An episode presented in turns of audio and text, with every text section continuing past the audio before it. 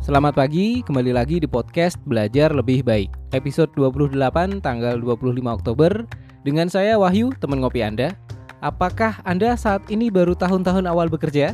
Kali ini kita akan belajar mengenai pengelolaan keuangan Dengan tips dari salah satu konglomerat bernama Lee Ka-sing. Tips ini sangat berguna terutama untuk Anda yang baru memperoleh penghasilan sendiri. Langsung saja ya.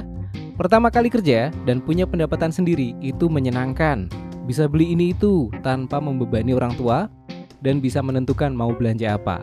Tapi di sisi lain ingat, ini juga berarti Anda perlu untuk memulai mengelola keuangan sendiri.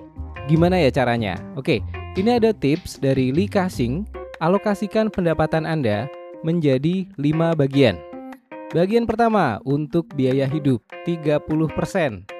Dengan alokasi ini, mungkin perlu untuk gaya hidup yang lebih sederhana. Biasanya, pengeluaran terbesar adalah di makan dan tempat tinggal, jadi perlu disesuaikan. Bisa jadi Anda akan makan secukupnya, pakai HP lama, motor lama, kos sederhana, nggak apa-apa, prihatin dulu ya. Oke, yang kedua adalah membangun relasi dan bersosialisasi, itu alokasinya 20%. Gunakan alokasi ini untuk bersosialisasi, akan tetapi, bukan sepenuhnya nongkrong-nongkrong alur ngidul gitu ya, bukan. Tapi, sarannya adalah untuk mentraktir orang yang lebih bijak, orang yang lebih luas wawasannya, lebih bekerja keras, lebih dulu sukses. Mungkin salah satu tujuannya supaya menular kebijakan, wawasan, dan semangatnya ke kita, selain tentunya untuk memperluas relasi. Yang ketiga adalah belajar. Alokasinya 15%. Alokasi ini bisa digunakan untuk membeli buku, ikut seminar, pelatihan, datang ke pameran, kuliah malam, dan sebagainya. Setelah itu, coba praktekkan apa yang dipelajari dan juga coba jelaskan atau tularkan ke orang lain dengan bahasa Anda sendiri. Jangan lupa, di pelatihan atau seminar, manfaatkan juga untuk bertemu orang-orang dan memperluas wawasan serta relasi. Porsi keempat adalah untuk traveling 10%. Hibur diri Anda dengan traveling paling tidak setahun sekali dan diutamakan ke luar negeri. Mungkin saat ini agak susah kali ya karena pembatasan dan pandemi, tapi prinsipnya adalah bepergian ke dunia luar yang berbeda budaya dan bahasanya.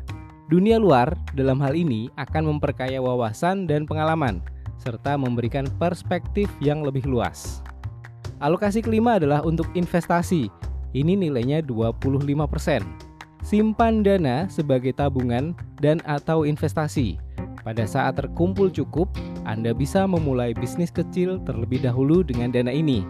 Kalau gagal nggak rugi banyak dan tetap dapat ilmunya, kalau berhasil Anda jadi lebih pede dan bisa scale up.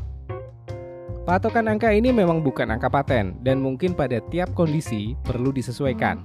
Akan tetapi prinsipnya ada lima pos yang perlu dialokasikan dan jangan lupa untuk berinvestasi baik secara finansial, relasi, maupun kapasitas personal.